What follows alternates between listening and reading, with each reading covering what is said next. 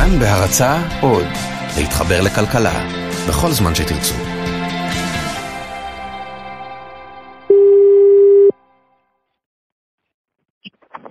שאול? היי, היי. אה, יש לך דקה? לפני איזה שבוע צלצלתי לכמה חברים שגרים בירושלים ושאלתי את כולם שאלה זהה. יש לי שאלה אחת אליך. אתם, אה, נגיד אה, בשבת, ובאים חברים מחוץ לעיר, עם ילדים. מה, לאן תלכו? זו השיחה שלי עם חיים ריבלין, ראש דסק התחקירים של חדשות 2. אה, מוזיאון ישראל, כן, אה, גן חיות. כן. אה, אה, התקלת אותי עכשיו. והנה השיחה שלי עם מירב אדמון, בעלת סטארט-אפ ירושלמי. שטח שאלה נורא פשוטה. כן. חברים באים מחוץ לעיר עם הילדים. לא רוצים להיות אצלכם בבית. לאן הולכים? בשבת. גן החיות. יופי. וחוץ מגן החיות. אה, גן החיות בטוח בשבת. כן.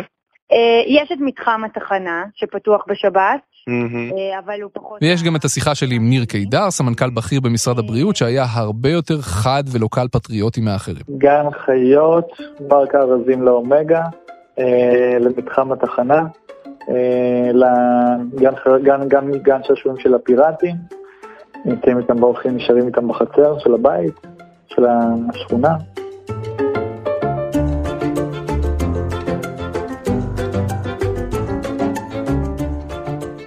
שלום וברוכים הבאים לחיות כיס, הפודקאסט של כאן כלכלי.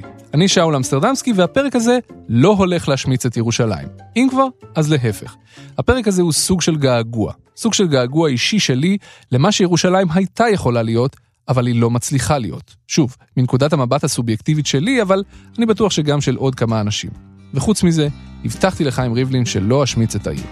ולפעמים כשאני כך לבדי אני חוזר לסמטאות ילדותי אל נעוריי. אני מאוד אוהב את ירושלים. נולדתי בירושלים, גם בת זוגי נולדה בירושלים, וכך גם שני בניי. כשאני בירושלים, אני מרגיש בבית. זה לא משנה אם זה בשוק, או בעיר העתיקה, או במדרחוב בן יהודה. רק שאני כבר לא גר בירושלים. אחרי עשור שלם בעיר, נשברנו. ולפני כמה שנים עברנו למושב באזור שער הגיא. סיכוי סביר שלעולם לא נחזור לגור בה. לגור בירושלים זה לא בדיוק כיף, ולכן לי באופן אישי זה דווקא התאים בול. לגור בירושלים זה קצת כמו עבודה. אתה צריך להתאמץ בשביל זה. להתאמץ בשביל למצוא מקומות פתוחים בשבת. להתאמץ בשביל למצוא שכונות שבהן אתה לא מרגיש נטע זר. להתאמץ בשביל לעבור את חודשי החורף בלי שינשור לך האף מרוב קור. עיר קשה.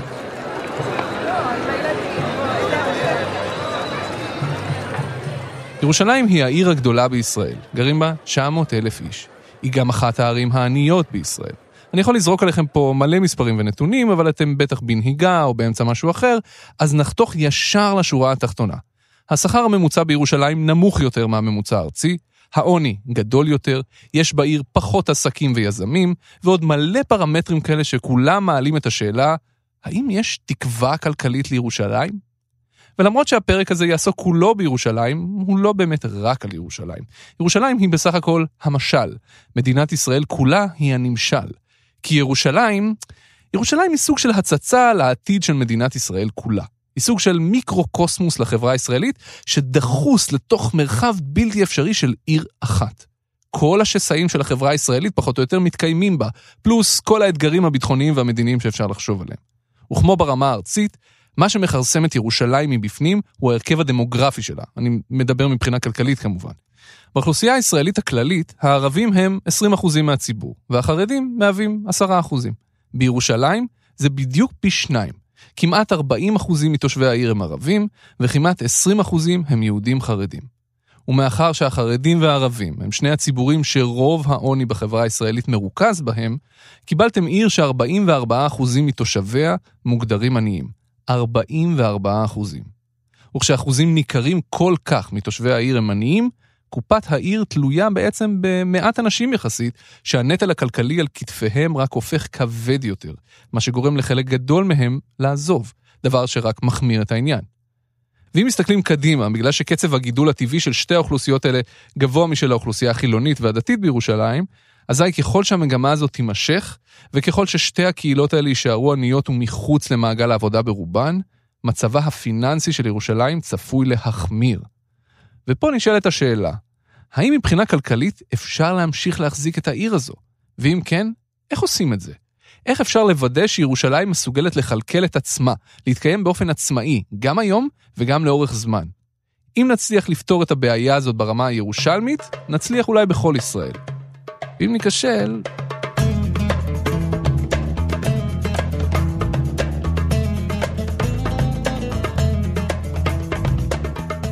השאלה הזו לא נשאלת בוואקום. בסוף דצמבר הגיעו כמה משאיות זבל של עיריית ירושלים לפתח משרד האוצר בעיר, ממש מול הכנסת, והתחילו לשפוך שם ערימות של אשפה. באמת, כמויות.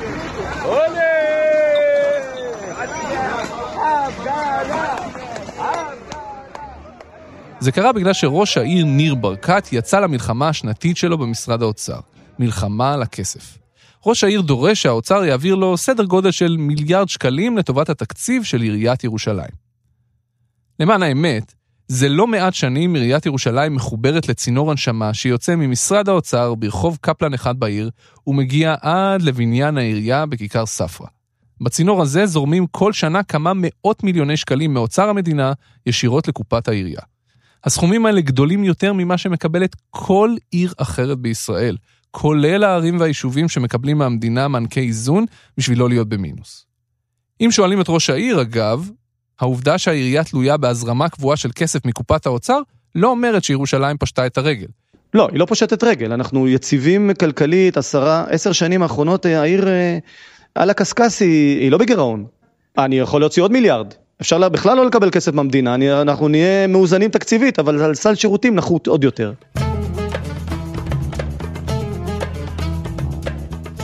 בנובמבר 2008, לפני כמעט עשור, ניר ברקת נבחר בפעם הראשונה לראש העיר ירושלים. הניצחון שייך לאלו בימין ואלו בשמאל. הניצחון שייך לדתיים ולחילונים. הוא שייך לבעלי כיפות סרוגות, בעלי הכיפות השקופות ובעלי הכיפות השחורות. הערב הזה מוקדש לכל מי שרואה בירושלים את ביתו ולכל מי שנאלץ לעזוב את ירושלים, אבל רוצה לשוב אליה. ולפני חמש שנים, באוקטובר 2013, נבחר לקדנציה שנייה בקרב צמוד וסוער מול משה ליאון. לפחות במערכת הבחירות הראשונה, ניר ברקת היה הבטחה אדירה. אני זוכר שהייתי בבית שלו בשכונת בית הכרם באיזה ערב, כחלק מהסיקור של כלכליסט את הבחירות ההן, ואני זוכר איך הוא דיבר על כך שהוא יהפוך את ירושלים לבירת הייטק, ואיך ישקיע בתרבות ובמזרח העיר והכל, ואני לא אומר שהוא לא עשה, הוא עשה.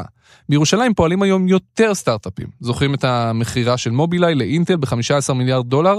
מובילאיי היא סטארט-אפ ירושלמי, ויש עוד כמה מאות שפועלים בעיר, כמובן קטנים יותר. העירייה מקיימת אירועי תרבות בקנה מידה כזה שהיא אפילו חוטפת ביקורת על בזבוז כספים. ומזרח העיר ירושלים עדיין סובל מפערים ומהזנחה, אבל כנראה שטיפה פחות. ובכל זאת, אפילו אם ניקח את כל מה שברקת אומר שהוא עשה בירושלים ונאמין לכל מילה שיוצאת לו מהפה, ירושלים עדיין תלויה במענק ממשלתי שנתי בגובה של 700 מיליון שקל בשביל לספק לתושבים שלה את השירותים שהיא נותנת להם. והנה בא ראש העיר ואומר שאפילו זה לא מספיק.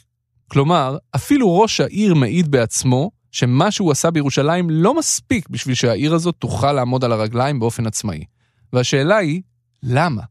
ובשביל לענות על השאלה הזו, צריך לעזוב שנייה את ירושלים ולהבין באופן כללי, מניין רשויות מקומיות בישראל מקבלות את הכסף שלהן.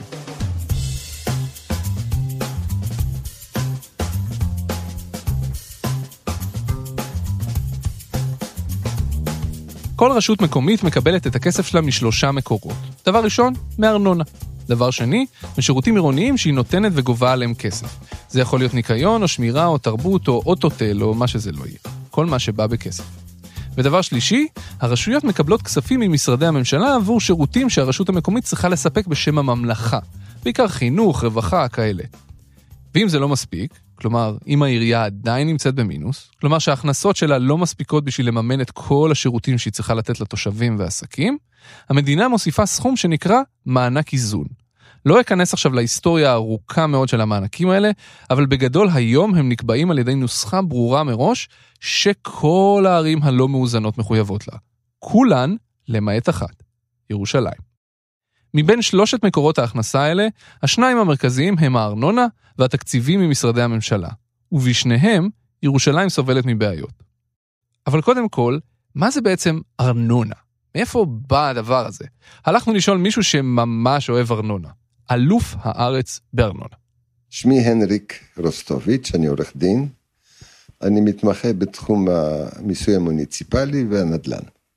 אני כתבתי את הספר ארנונה עירונית, שהוא בעצם הספר המקיף ביותר והיחיד בתחום הארנונה, והמהדורה החמישית כוללת 1,600 עמוד.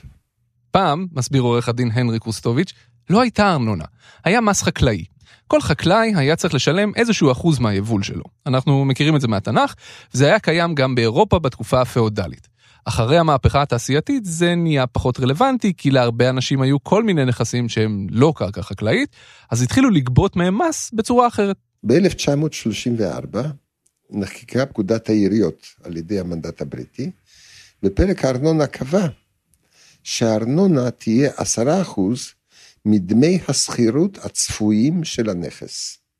כלומר, אם יש לי נכס ששווה מיליון ש"ח, ודמי השכירות הצפויים, לשם המשל, לשנה זה 100 אלף ש"ח, אז הארנונה זה 10,000 ש"ח. ככה זה בהרבה מדינות אחרות בעולם. בכל שנה בא השמאי הממשלתי או איזה מישהו כזה, הוא מעריך כמה כסף אתה יכול להכניס מהקרקע או המפעל או המשרד שלך, ולפי זה הוא קובע כמה ארנונה תשלם השנה. זה בסך הכל מאוד הגיוני, סוג של מס רכוש. וככה זה היה גם אצלנו, עד שזה לא עבד יותר. בשנות ה-60 היה המיתון הגדול. מחירי הנכסים ירדו בערך בשליש. בשנים 63, 64, 65, 66, 67.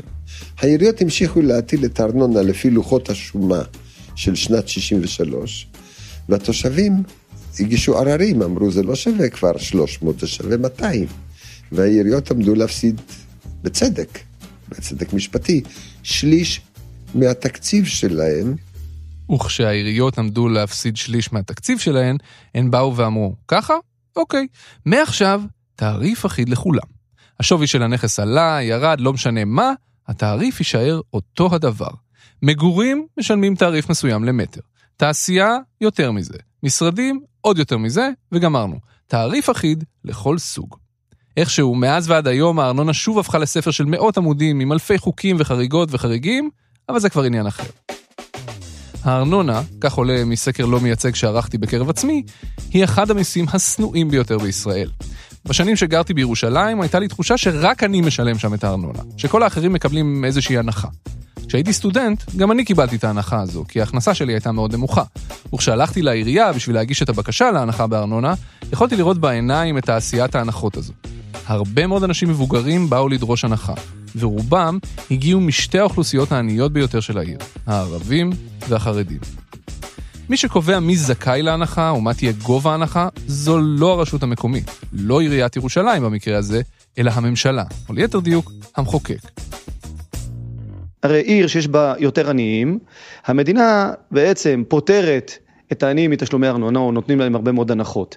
וככל שהעיר יותר ענייה, ככה הפטורים גדלים. זו החלטה של הממשלה, של הכנסת, ובעבור זה לא מקבלים שיפוי. כלומר שהעירייה לא מקבלת החזר.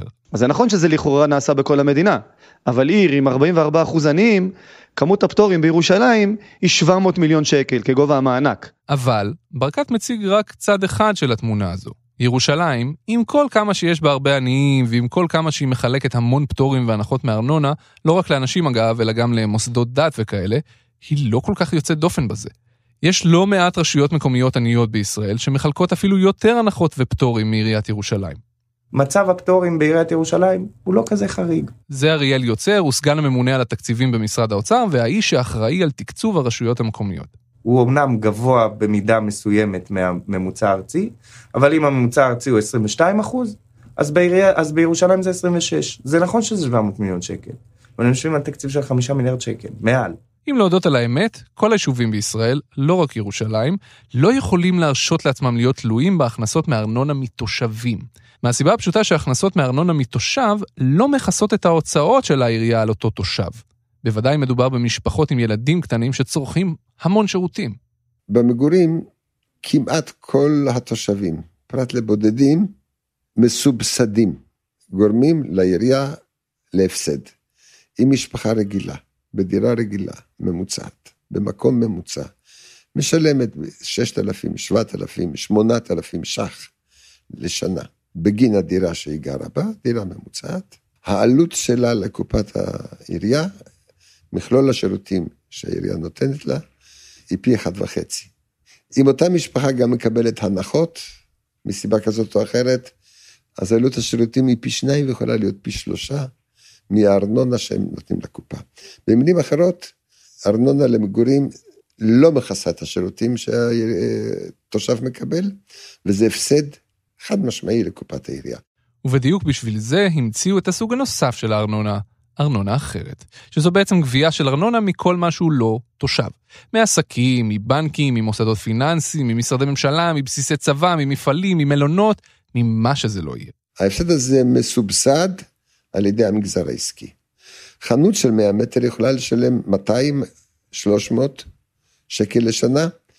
השירותים שהיא מקבלת זה 10% מהסכום שהיא משלמת. הפער בין הארנונה למגורים לבין הארנונה לעסקים הוא כל כך גדול, שרוסטוביץ' מסביר שסתם מסחר עירוני רגיל, חנויות כאלה במרכז העיר, זה פשוט לא מספיק בשביל לכסות את ההפסדים.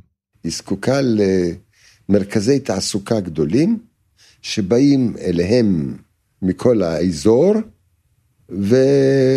ומרכזי התעסוקה האלה משלמים הרבה ארנונה, והתמורה הישירה שהם מקבלים מהעירייה, תמורת הארנונה היקרה הזאת, התמורה הישירה היא פחות מעשרה אחוז.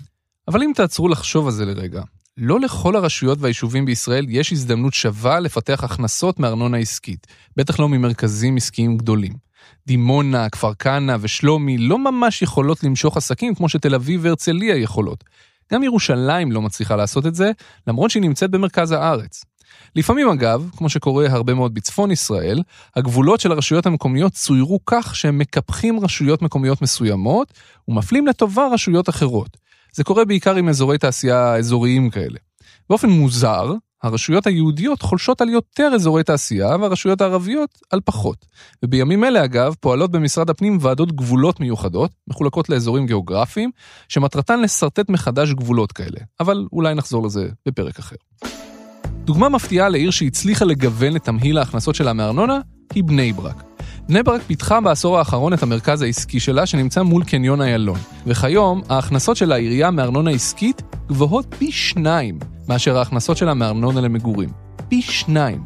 ובירושלים, ההכנסות מארנונה מתחלקות פחות או יותר חצי-חצי ממגורים ומעסקים. מעסקים טיפה יותר.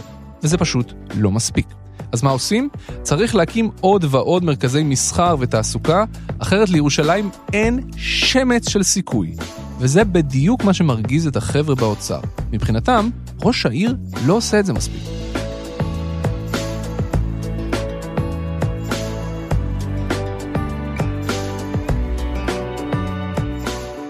אני חושב שעיריית ירושלים לא עושה מספיק צעדים כדי לייצר אה, הכנסות אה, עצמיות משמעותיות. זה שוב אריאל יוצר מאגף התקציבים באוצר.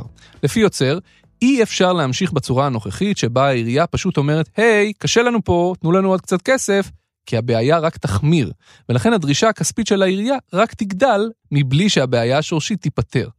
אנחנו לא חושבים שנכון, שמדיניות תקצוב נכונה, היא שבכל שנה אנחנו אה, נשפוך עוד 200 מיליון שקל נוספים על הסכומים המאוד גדולים שאמרתי, הש... שנת 2017, זה עצר ב-700 מיליון שקל. נשפוך כסף לתקציב השוטף, ורק נגדיל את התלות של הרשות ב, אה, בממשלה. בגלל שיש מסלול אה, ייחודי לעיריית ירושלים, אז זה הרבה יותר קל למשוך כסף ככה, מאשר להתאמץ ולהביא כסף מכוח הכנסות עצמיות. אז אריאל יוצר חושב שראש העיר לא מפתח מספיק אזורי עסקים בעיר, או שלא עושה את זה בנחישות גדולה מספיק, או מהר מספיק. רק שזה נורא מעצבן את ראש העיר ניר ברקת. ממש אבל.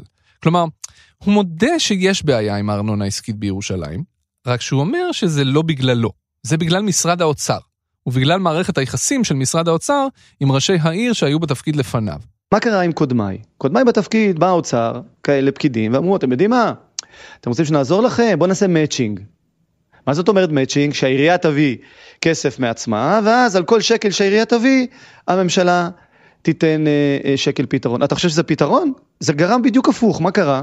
קודמיי בתפקיד הגדילו את הארנונה יותר ויותר, וכך נוצרה הארנונה מהגבוהות בארץ, וקיצצו בשירותים, בסל השירותים. ואז נחש מה קורה. כשהעיר לא נותנת סל שירותים תחרותי, מה קורה לצעירים? הם מדלגים למקום שיש שם יותר עסקים, אה, משלמים פחות ארנונה ומקבלים יותר שירותים. טוב, אה, להתלונן על החטאים של קודמיך בתפקיד זה א' ב' של כל פוליטיקאי. אבל מה ברקת עשה מאז שנכנס לעירייה בשביל לשנות את תמהיל הארנונה שלו? כשאנחנו מסתכלים היום איך להרים את העיר למעלה, אז אנחנו משקיעים בתשתיות, כבישים, אנחנו משקיעים, אנחנו מרימים ברוב הכניסה לעיר מיליון פסיק שש מטר עסקי אה, חדש, וללא ספק יאיץ את העיר קדימה. העיר מתקדמת טוב, העירייה והיכולת שלה לתת שירותים עדיין רחוק מאיפה שצריך להיות, ועל זה אני נלחם. האמת, בשנים האחרונות העירייה מקדמת את בנייתו של רובע עסקי חדש בכניסה לעיר. אם תגיעו לירושלים בשנת 2022 ככה, תוכלו לראות שם שלושה ארבעה מתוך תשעת מגדלי המשרדים שאמורים לעמוד שם בסופו של דבר.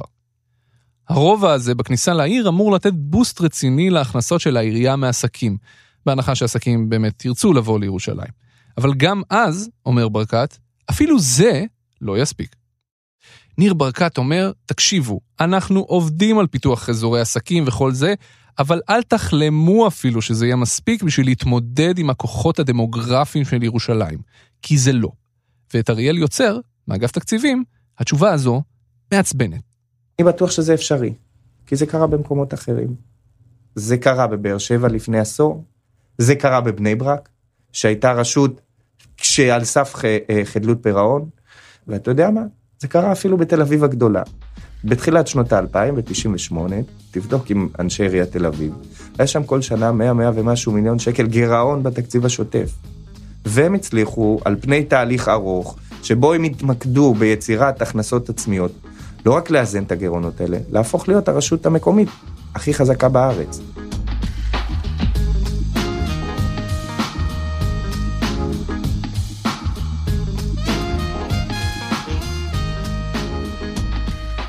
לא משנה מי שכנע אתכם יותר, ההכנסות מארנונה הן לא חזות הכל. חלק אדיר מתקציבי הרשויות המקומיות מקורו בכסף שמשרדי הממשלה מזרימים להן לטובת השירותים הממלכתיים שהן נותנות לתושבים. בעיקר חינוך ורווחה. במקרה של ירושלים, כמעט 30% מהתקציב שלה מגיעים ממשרדי הממשלה עבור שירותים כאלה. וכאן, אומר ברקת, כאן טמון הכשל הכי גדול של שיטת התקצוב, שבגללו ירושלים סובלת יותר מערים אחרות. והאמת, הוא צודק. התקציבים האלה לא מחולקים איך שהייתם מצפים שהם יהיו מחולקים. רק שזה לא קשור רק לירושלים. זו השיטה הכללית של חלוקת תקציבי משרדי הממשלה לרשויות המקומיות. והשיטה השרירותית הזו פוגעת לא רק בירושלים, אלא בהרבה רשויות מקומיות חלשות אחרות. השיטה הזאת עובדת ככה.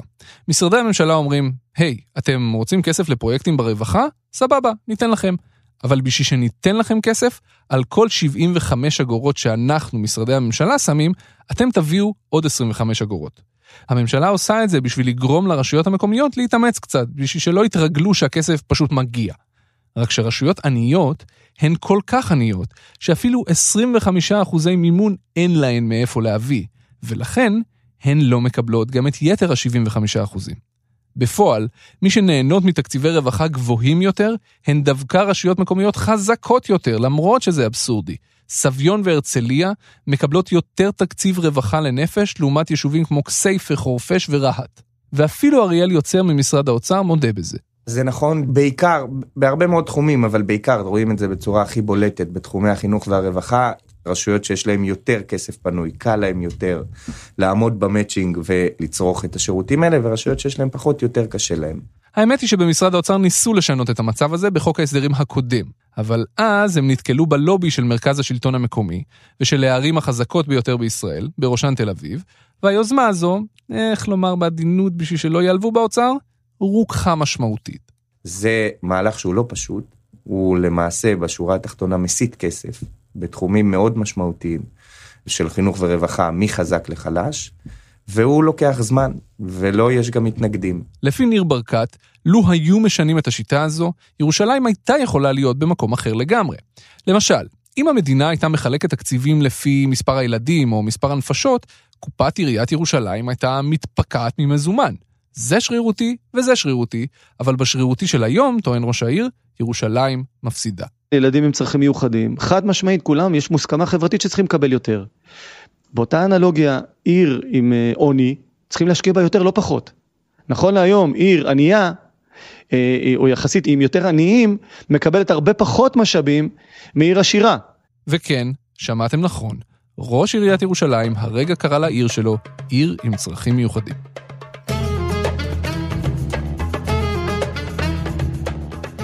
אוקיי, אז אנחנו יודעים מאיפה מגיע החוסר התקציבי האדיר של עיריית ירושלים. העירייה מחלקת מכוח החוק המון פטורים בארנונה, אין לה מספיק הנחות מארנונה עסקית, ראש העיר עובד על זה, אבל טוען שגם כשיוקם הרובע החדש זה פשוט לא יספיק, ושני הצדדים מסכימים ששיטת התקצוב הבסיסית עקומה, אבל הפתרון לבעיה הזאת צריך להיות רוחבי לכל הרשויות החלשות ולא רק לירושלים. וכך הגענו בסופו של דבר לשורה התחתונה. ירושלים מקבלת מהאוצר מענק שנתי של 700 מיליון שקלים לסגור את החור. ראש העיר ברקת רוצה יותר. הוא רוצה להגדיל את הסכום למיליארד שקל. באוצר לא מוכנים לשמוע אפילו. וככה הגענו למשאיות הזבל האלה בכניסה למשרד האוצר. וחוץ מהריב הפוליטי שיש בין שר האוצר משה כחלון לראש העיר ברקת, יש פה גם תהום אידיאולוגית בין משרד האוצר, הפקידים, לבין ראש העירייה. כששאלתי את ברקת אם נראה לו הגיוני שעירייה שמקבלת כל כך הרבה כסף מהמדינה תבכה על זה שהיא צריכה עוד, הנה מה שהוא אמר לי. אני, אני קורא תיגר, אני קורא תיגר, יחסית פר תושב, היא מקבלת מעט מאוד כסף. היא לא מקבלת 900 אלף נפש. אתה יודע שבעשור האחרון גם נוספו 100 אלף איש לעיר הזו. היא גודלת בקצב של למעלה מ-2% בשנה. הטענה העיקרית של ברקת היא כזו, במבחן התוצאה, גם אם מביאים בחשבון את המענק המיוחד הזה, יוצא שירושלים מקבלת מהממשלה כ-30% פחות תקציב לתושב ביחס לממוצע הארצי. פעם הפער הזה היה גדול יותר, אומר ראש העיר, ואני צריך עוד תקציבים בשביל להמשיך לצמצם את הפער. הגישה הזו, לפי דעתו של אריאל יוצר סגן הממונה על התקציבים, היא גישה שגוף ציבורי בישראל פשוט לא יכול להרשות לעצמו. הדיון שהם מציגים הוא נורא פשטני. שאלה הראשונה ששואל כל אדם, וכל גוף כלכלי, וכל מי שהוא גורם מתקצב, בוא תראה את הצעדים שאתה עשית כדי להתמודד עם, ה... עם הפער הזה שנפתח. אנחנו לא מקבלים אפילו צעד אחד. עכשיו, זה לא סביר בכל קנה מידה, אין גוף כזה בשום מקום שלא מתייעל בכלל. אותו שיח חרשים בדיוק, אגב, התנהל לפני שנה, וגם אז זו הייתה גרסה מול גרסה. וגם אז היו משאיות זבל, וגם אז היה קרב פוליטי בין ברקת לכחלון, ובסופו של דבר, איכשהו זה נסגר בפשרה. הוקמה ועדה, הוועדה בחנה, והחליטה על תוספת של 700 מיליון שקלים לעירייה. רק מה? אפילו על הוועדה ההיא שני הצדדים לא הצליחו להסכים. לא על היעדים, לא על המתודולוגיה, לא על הסכום, ולא על התנאים לקבלת הסכום. מה הפלא ששנה לאחר מכן, לא כל הסכום, לא כל ה-700 מיליון שקלים עברו, ולא כל התנאים לקבל את הכסף מולאו מצד העירייה. וזה כנראה הפער הגדול ביותר בין הצדדים. ראש עיריית ירושלים משוכנע שירושלים פשוט שונה מיתר הערים, ושמגיע לה יותר. במשרד האוצר חושבים הפוך לגמרי. בינתיים, בזמן שהם רבים שם, צעירים ממשיכים לעזוב את ירושלים. לפי נתוני הלשכה המרכזית לסטטיסטיקה, ירושלים ממשיכה לגדול באופן טבעי, אבל ההגירה ממנה ואליה ממשיכה להיות שלילית. כלומר, אם מנטרלים את אלה שנולדים בעיר, יותר תושבים עוזבים את ירושלים מאשר תושבים חדשים שמצטרפים אליה מבחוץ. בשנת 2016, השנה האחרונה שיש לגבי הנתונים, עזבו אותה בנטו כ-8,000 אנשים. הבחירות לרשויות המקומיות התקיימו בסוף אוקטובר, ואנחנו עדיין לא יודעים אם ניר ברקת יתמודד שוב על ראשות העיר, או שמא ילך לפוליטיקה הארצית, וכשהעליתי את העניין הזה בשיחה איתו, הוא פשוט שתק ולא אמר דבר. אבל משהו אחד ברור כבר עכשיו. מי שזה לא יהיה שיתיישב על כיסא ראש העיר בקדנציה הבאה, יצטרך לעשות מאמצי על בשביל להילחם במנוע הפנימי שמאיים על העיר מבחינה כלכלית, הרבה יותר מכל רשות מקומית אחרת בישראל. וכמו שאמרתי בהתחלה, ירושלים היא מיקרו-קוסמוס, היא ישראל בעוד כמה שנים. אם נצליח איכשהו לפתור את הבעיות הכלכליות של ירושלים, נבין אולי איך להתמודד בעוד כמה שנים עם הבעיות שיאיימו על הכלכלה הישראלית כולה. ללא שינוי הנוסחה וללא שינוי היחס של הממשלה אל העיר ירושלים, אין שום סיכוי לירושלים לצאת מה, מהברוך שהיא הייתה בו.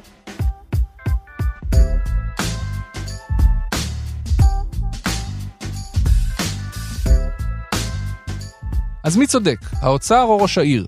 האם צריך להמשיך לשפוך מלא כסף על ירושלים רק כי היא עיר הבירה ומגיע לה, או שמא העירייה צריכה לקחת את עצמה בידיים ולהמציא את העיר מחדש איכשהו? תכריעו אתם. היכנסו לקבוצת הפייסבוק שלנו, חיות כיס, וכתבו לנו שם מה דעתכם. אפשר לכתוב לנו גם בטוויטר או בכל מקום אחר שבא לכם. חיות כיס הוא הפודקאסט של כאן כלכלי, כל הפרקים שלנו נמצאים באתר כאן ובכל אפליקציות הפודקאסטים וזמינים להאזנה בכל עת. יש לכם חברים שעוד אה, לא נפלו בפודקאסטים? שילחו להם את הפרק החביב עליכם של חיות כיס ותכניסו פנימה גם אותם. תודה לרומטיק שערך והפיק את הפרק הזה, תודה רבה לאסף רפפורט שהיה עורך הסאונד, תודה מיוחדת לצליל אברהם שראיינה את עורך דין הנרי קרוסטוביץ', אני שאול אמסטרדמסקי, תודה רבה שהאזנתם.